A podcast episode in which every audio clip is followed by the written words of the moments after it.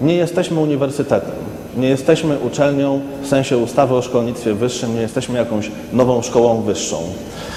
Jesteśmy wspólnym przedsięwzięciem, a w zasadzie mogę powiedzieć, że jesteśmy w tej chwili yy, jednostką międzyuczelnianą dwóch uczelni. Jednej państwowej czy publicznej Uniwersytetu Marii Curie Skłodowskiej w Lublinie i drugiej Wyższej Szkoły Humanistyczno-Ekonomicznej w Łodzi, której, w której ja pracuję. Teraz yy, zostały przed nami postawione zadanie przygotowania studiów i kursów uzupełniających przez internet. I teraz powiem, jaka była koncepcja, jakby, która leżała u podstaw tego naszego projektu. Otóż, jeżeli, byśmy, jeżeli sobie weźmiemy to s- e, ten termin, studia przez internet, i rozbijemy go na dwa i powiemy sobie, że to są studia plus przez internet, to my podchodzimy do tego w ten sposób, że do tego można przyczepić do każdego z tych e, pojęć dwa, dwa różnego rodzaju kom- kompetencje. Studia to jest kompetencja uczelni. Uczelnia ma program, uczelnia ma kadrę, uczelnia ma jakiś tam, ma mniejszy lub większy dorobek.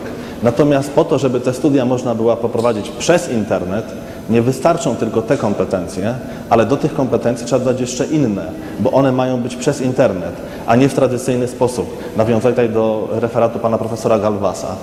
I w tym momencie e, jednostka międzyuczelniana, którą nazwali, która przyjęła nazwę od UMCS-u, bo to była ich, ich inicjatywa, PUF, to jest jednostka, która ma dać uczelniom zasoby, które pozwolą im poprowadzić studia przez internet. Teraz, jakie to są zasoby? No tutaj ten ekran też pokazuje, w zasadzie mamy trzy. Tutaj jest napisane zespoły przygotowane do projektowania i produkcji kursów zdalnych. Ja bym to trochę rozszerzył. Mianowicie uważamy, że podstawą dobrego poprowadzenia studiów zdalnych to jest wiedzieć, jak, to, jak uczyć w ten sposób. Czyli to jest metodyka, to jest biblioteka kursów, to jest umiejętność stworzenia tych kursów i to jest wreszcie czwarta sprawa, umiejętność wyszkolenia prowadzących, którzy by takie kursy wiedzieli, e, wiedzieli jak to poprowadzić. I to uważamy, że jest podstawowa kompetencja nasza w tej chwili. Nad tym najwięcej zdecydowanie pracujemy. Drugie to są zespoły i procedury obsługi studiów i szkoleń zdalnych. No to jest sprawa jasna. W momencie, kiedy student nie przychodzi na co dzień na uczelnię po to, żeby się uczyć, sama, sam sposób jego obsługi, sam sposób, w jaki on się komunikuje z uczelnią, dowiaduje się o różnego rodzaju rzeczach, czy ma rozsyłane materiały, kontaktuje się z prowadzącymi, to jest też istotna kompetencja, no bo nie ma sensu robić studiów takich, że ktoś uczy się przez internet, a tradycyjnie przychodzi na przykład do dziekanatu zbierać oceny, czy załatwiać sobie różnego rodzaju zaświadczenia. I wreszcie trzecia sprawa, to jest infrastruktura techniczna. No to jest jasne. Nie ma, nie ma możliwości poprowadzenia studiów przez internet, jeżeli nie ma się odpowiedniej infrastruktury technicznej. W związku z tym, jak widzicie Państwo, tak jak powiedziałem, jest przez internet, to jest ten, te, te trzy grupy kompetencji, które trzeba mieć dodatkowo do kompetencji, która, które ma uczelnia, po to, aby takie studia można było poprowadzić. Teraz przechodzę do kwestii, która tutaj była poruszana. No bo już ustaliliśmy, że robimy studia przez internet. Teraz pytanie, jak to w Polsce zrobić? Rzeczywiście nie ma czegoś takiego. No, szczególnie my, jako uczelnia prywatna, musimy bardzo pilnować się wszystkich. E, Nie mamy takiej możliwości jak duże uczelnie e, akademickie, gdzie Senat praktycznie może w pewnych sprawach zawiesić pewne postanowienia ustawy czy przyjąć własne regulacje. Y, Zastanawialiśmy się, jak te, jak te studia umieścić w formule prawnej. No i pierwsza podstawowa rzecz. Student jest studentem uczelni, która ma uprawnienia do prowadzenia studiów na kierunku. W Polsce są uprawnienia do prowadzenia studiów na kierunku. Więc mogę powiedzieć, że w tej chwili wszyscy studenci, którzy studiują w ramach PUW, są studentami Wyższej Szkoły Humanistyczno-Ekonomicznej w Łodzi. My jesteśmy uczelnią, która ma uprawnienia do prowadzenia studiów na, studiów na różnych kierunkach. W tym momencie przez internet prowadzimy studia na kierunku zarządzanie i marketing i na kierunku informatyka. To są studia inżynierskie. Czyli pierwsze prowadzi zarejestrowana, mająca uprawnienia uczelnia. Drugie, jeżeli chodzi o studia na zarządzaniu i marketingu, tutaj była sprawa prosta. E, Taką dobrą, dobrą formą tak, takich jakby prawnego umocowania takich studiów były studia eksternistyczne. Jak Państwo wiecie, studia eksternistyczne to jest coś takiego, że praktycznie student uczy się sam, powinien tam uczestniczyć w jakichś konsultacjach, ale to nigdzie nie jest sformułowane prawnie w jakiś sposób. W każdym bądź razie ma przyjść i zdać wymagane prawem zaliczenia i egzaminy, zgodnie z regulaminem studiów, zgodnie z minimami itd. itd. No więc tutaj była sprawa prosta. Do tradycyjnych studiów eksternistycznych dodajemy kursy internetowe jako, jako y, uzupełnienie tych studiów i jesteśmy w zgodzie z prawem. Gorsza sprawa była na informatyce inżynierskiej, ponieważ tam e, wchodzą w grę laboratoria, no, których tutaj odbywanie przez e, internet jest niemożliwe i takich nie odbywamy. W związku z tym tam przyjęliśmy i e, formułę studiów zaocznych. Weszliśmy w taką formę. Też nie będę ukrywał, że wzorowaliśmy się tutaj na, trochę na e, rozwiązaniu, które wprowadziła Politechnika Warszawska, okno. Tam też te studia przyjęły formę studiów zaocznych, więc przyjęliśmy, że taka formuła będzie dobra. Czyli to jeżeli chodzi o jakby umocowanie prawne tych studiów. Prowadzi je zarejestrowana uczelnia w, jednym z istniejących trybów. Yy, przechodzę dalej.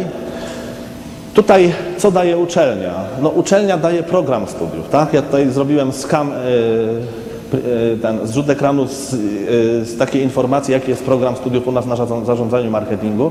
My po prostu wzięliśmy, bierzemy program studiów, jaki obowiązuje na studiach zaocznych i taki sam program, czyli te same przedmioty, w takiej samej formie jak na zaocznych, czyli w formie zaliczenia lub egzaminu, student ma zaliczyć na tych studiach, tak?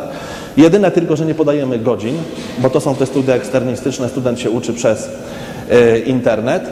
Natomiast student zdobywa po prostu punkty, tak? Po zdobyciu określonej liczby punktów może przejść na kolejny semestr albo e, po zdobyciu określonej liczby punktów e, e, e, napisaniu pracy dyplomowej obronieniu egzaminu dyplomowego może dostać e, dyplom e, licencjata, licencjata w tym przypadku.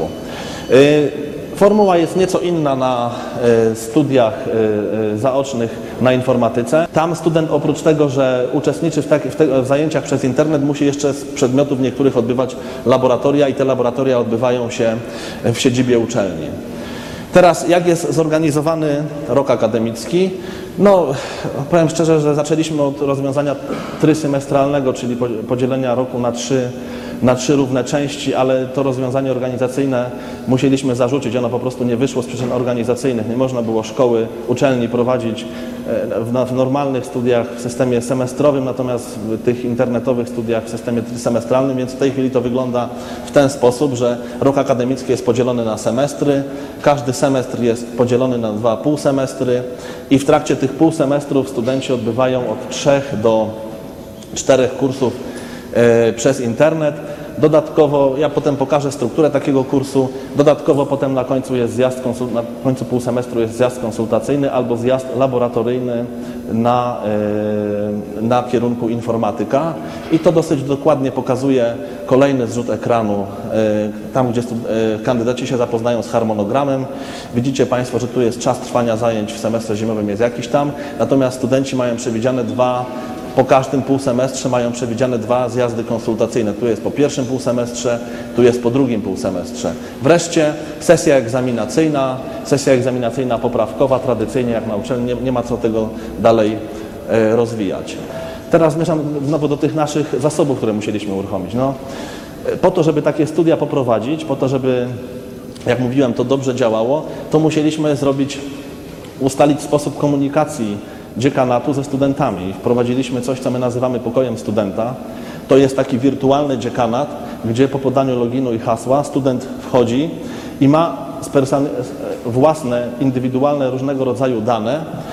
Ja zaraz pokażę kilka przykładowych ekranów, natomiast zwracam Państwa uwagę na jedną rzecz. Oprócz, oprócz tradycyjnej formy dziekanatu, Musieliśmy również wprowadzić cały system pomocy technicznej. Tutaj przy nauczaniu przez internet kluczową sprawą jest to, że studenci nie tylko, że po to, żeby studenci mogli odbywać zajęcia, musi im to wszystko działać, tak? zarówno po ich stronie, jak i zarówno po naszej stronie.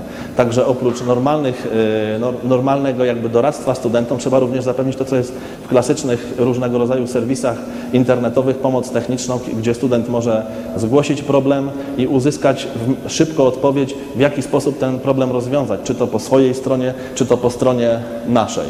No i w takim wirtualnym dziekanacie, no student, tutaj jest jakieś przykładowe są, e, jakiegoś kolegi Olczaka, e, że jest na informatyce, no to jest testowy klient, także tutaj numer indeksu minus jeden, jaki ma rodzaj rejestracji, tutaj mu się e, wybija saldo, tutaj jakie ma opłaty, jakie ma terminy płatności, jaki ma program studiów, jakie dostał e, oceny z poszczególnych, to wszystko jest spersonalizowane i, i, i e, jest istotnym uzupełnieniem tego, tego, co robimy.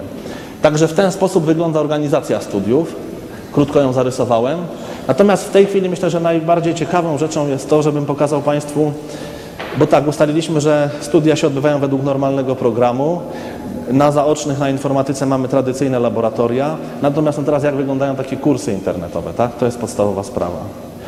I tutaj, proszę Państwa, zanim wejdę i zacznę opowiadać to, co tutaj pokazałem, to chciałem powiedzieć, że myśmy przyjęli taką zasadę, że w momencie, kiedy półsemestr ma, e, że jeden przedmiot, e, który, który normalnie na studiach odbywa się w ciągu semestru, to jest tam od rzędu 30 do 45 godzin, u nas jest podzielony na 6 modułów. Tutaj tak, ten, to kółeczko, które to jest, pokazuje, że to jest 6 modułów. Czyli tematy są podzielone, jest podzielone na 6 modułów. W każdym module chcemy, aby, były, aby było gdzieś od 3 do 5 tematów, tak? W każdym module od 3 do 5. Taka jest struktura naszego kursu. I teraz pierwsza rzecz, jaką student dostaje od nas, to jest podręcznik, podręcznik multimedialny na CD. To, co Państwo widzicie tutaj, to jest właśnie przykład podręcznika, który dajemy studentom. No, Mam zresztą coś takiego, żeby pokazać, że to faktycznie istnieje. E, To jest e, podręcznik, który dajemy studentom na CD. Cel jest taki, że nasze łącza internetowe nie pozwalają oczywiście na przesyłanie tego. Jest to zrobione w, tech- w technologii Flash. No tutaj ma to stałą strukturę. Wszystkie, wszystkie podręczniki są budowane w ten sam sposób, a więc mają takie same e, przyciski. Bardzo e, styl podręcznika jest taki sam. No, pokażę kilka rzeczy ciekawych. No, jest, są to podręczniki nieliniowe. Jak tutaj się kliknie, to się od razu pojawia e, na przykład wyjaśnienie jakiegoś tam faktu. E, jest normalnie, jest, zwracam uwagę, że jest spis treści. Można oczywiście sam wraca do, w odpowiednie miejsce. Jest indeks, gdzie też, który też wraca studenta w odpowiednie miejsce, bibliografia i tak dalej, i tak dalej. To też jeszcze nie jest ciekawe. No, To jest po prostu książka, w pewien formalny, jak w pewien strukturalny sposób utworzona i przeniesiona na CD. Otóż, jak Państwu powiedziałem, mamy pół semestry. Każdy kurs trwa 8 tygodni. Jak Państwo pa- widzieliście, tam były moduły. Tutaj tak, modułu pierwszego uczą się w pierwszym tygodniu, modułu drugiego się uczą w drugim tygodniu i tak dalej. W tygodniu czwartym zostawiamy studentom tydzień przerwy. To jest po to, żeby mogli odrobić zaległości. Zaraz pokażę, co oni tam w, w czasie takiego kursu robią. Potem czwarty, piąty, szósty tydzień kolejne moduły i znowu tydzień przerwy na oddanie pracy i tak dalej. Czyli yy, każdy taki kurs odbywa się w ciągu 8 tygodni w takim systemie 3 plus 1, tak? czyli 3 tygodnie nauki, tydzień yy, no, na nadrobienie, na, na zostawienie sobie czasu i tak dalej. Natomiast to, co w tej chwili Państwo widzicie, to jest drugi element naszych kursów, pewnie ważniejszy niż ten pierwszy, czyli podręcznik, mianowicie to jest nasza platforma zdalnego nauczania. Myśmy zakupili i spolo- spolonizowaliśmy e, platformę fińskiej firmy R5 Vision, która się nazywa, ta platforma się nazywa R5 Generation i ta platforma ma dwa zadania. Pierwsze zadanie to jest ten ekran. Ona pokazuje, ona zawiera wszystkie informacje, jakie są niezbędne studentowi po to, żeby mógł uczestniczyć, e, jakby uczestniczyć w kursie. Czyli tak, jest opis kursu, informacje o autorach, organizacja zas- zasady pracy, system oceniania. Potem mamy moduły, które już nam pretest. Pretest jest po to, żeby student mógł sprawdzić, czy ma do, odpowiednie kompetencje po to, żeby w taki w ten kurs mógł wejść. Potem mamy to, co Państwo widzieliście, to są moduły te same, które były w podręczniku, przy czym podręcznik jest tutaj w PDF-ie albo w innej formie, natomiast oprócz tego w każdym module mamy forum dyskusyjne, mamy test, mamy zadania i mamy projekt. Czyli jakby jedna e, funkcja platformy to jest stworzenie tej struktury, dodanie tego wszystkiego, czego nie było w podręczniku. Druga część, druga jakby e, cel, e, drugi, druga funkcja platformy to jest komunikacja. To jest to wszystko, co się tutaj dzieje. Komunikacja student prowadzący, student, studenci, studenci, e, studenci między sobą w grupach, czaty, forum dyskusyjne, e-maile i tak dalej, i tak. Nie będę tego rozwijał. Czyli tak, wiemy, że mamy podręcznik, wiemy jak długo trwa kurs, wiemy co mamy na platformie. Teraz kurs odbywa się w grupie. Najczęściej jest to grupa 20-osobowa, czyli dwu- 20 studentów tworzy jedną grupę, którą i takimi pod- podstawowymi jakby osobami, które w, tej, w, tej, w tym kursie uczestniczą, to są oczywiście sami studenci, tutaj zdefiniowani jako uczestnicy, jak również druga bardzo ważna postać to jest prowadzący. Coś takiego jak tutor, o którym mówił nasz gość z Meksyku. Mamy również wprowadzonych jeszcze administrator, to jest jasne, mamy jeszcze, ponieważ zaczynamy dopiero tą działalność i bardzo silnie patrzymy, jak to się odbywa, więc jest jeszcze takich parę ról, które po prostu monitorują to, co się dzieje na kursie, e, po to, żebyśmy po prostu te kursy mogli poprawiać. Czyli kurs w 20-osobowej grupie. Teraz tutaj macie Państwo e, wyciąg z systemu oceniania, ale ja nie chcę mówić, jak jest oceniany, bo każdy kurs jest oceniany inaczej, ja tylko powiem, co student robi w trakcie kursu. A więc tak, wykonuje projekt grupowy, wykonuje pracę indywidualną. Ta praca indywidualna, tak jakbyśmy się tam wcześniej wrócili, to są indywidualne zadania, które mu tam zostały, które studentom zostały dane, które musi odsyłać. Musi zrobić test kończący moduł i musi uczestniczyć w dyskusjach na forum. To są cztery formy aktywności studenta w trakcie naszego kursu. Akurat w tym kursie zostały im przy takie, takie wagi zostały ocenie e, przyporządkowane. Teraz y, zadania to jest jasne, forum dyskusyjne to jest jasne, y, test to jest jasne. Krótko powiem o projekcie. Projekt jest y, dosyć ważnym elementem naszej metodyki nauczania. Otóż my chcemy, żeby przechodząc przez kurs, student, studenci w grupie, najlepiej w grupie, robili zadanie, którego, które, które, którego zrobienie wymaga przejścia przez wszystkie moduły, czyli po kolei jakby tworząc projekt, student rozwiązuje zadania związane z kolejnym modułem. No i tutaj dałem przykład takiego, to jest, mamy jakiś tam projekt e, w module pierwszym. On mówi, żeby na przykład zrobić prezentację ulubionego zespołu muzycznego i tak dalej. Jak teraz, i to jest do, do modułu pierwszego, jak teraz wejdziemy do modułu drugiego, to zobaczymy, że znowu się pojawia projekt, ale już jest e, inny, inne polecenie. Mamy wynik pracy z pierwszego modułu, tak? I mamy kolejne zadanie dołożone do tego, do tego co już jest zrobione, czyli jakby kontynuuje się rozwiązywanie tego, te, tego zadania, czyli projekt my rozumiemy przez zestaw zadań, które student po kolei realizuje. Forum dyskusyjne. A tutaj pokazując forum dyskusyjne będę chciał mówić o roli prowadzącego. To jest drugi aktor, który występuje w tych naszych kursach. Otóż prowadzący to jest osoba, która ma po pierwsze tak, musi e, oceniać zadania i komentować zadania studentów. To jest pierwsze zadanie. Drugie, i tu mamy przykład tego, e, prowadzący zadaje tematy do dyskusji na forum dyskusyjnym. Tu jest właśnie prowadzący zadał, komentuje. Studenci mają za zadanie, na przykład jest w kursie określone, że studenci mają zadanie wypowiedzieć się raz na temat danego problemu, który prowadzący wrzucił i raz skomentować zadanie, y, wypowiedź kolegi. Prowadzący, tutaj są odpowiedź jakiegoś tam y, uczestnika.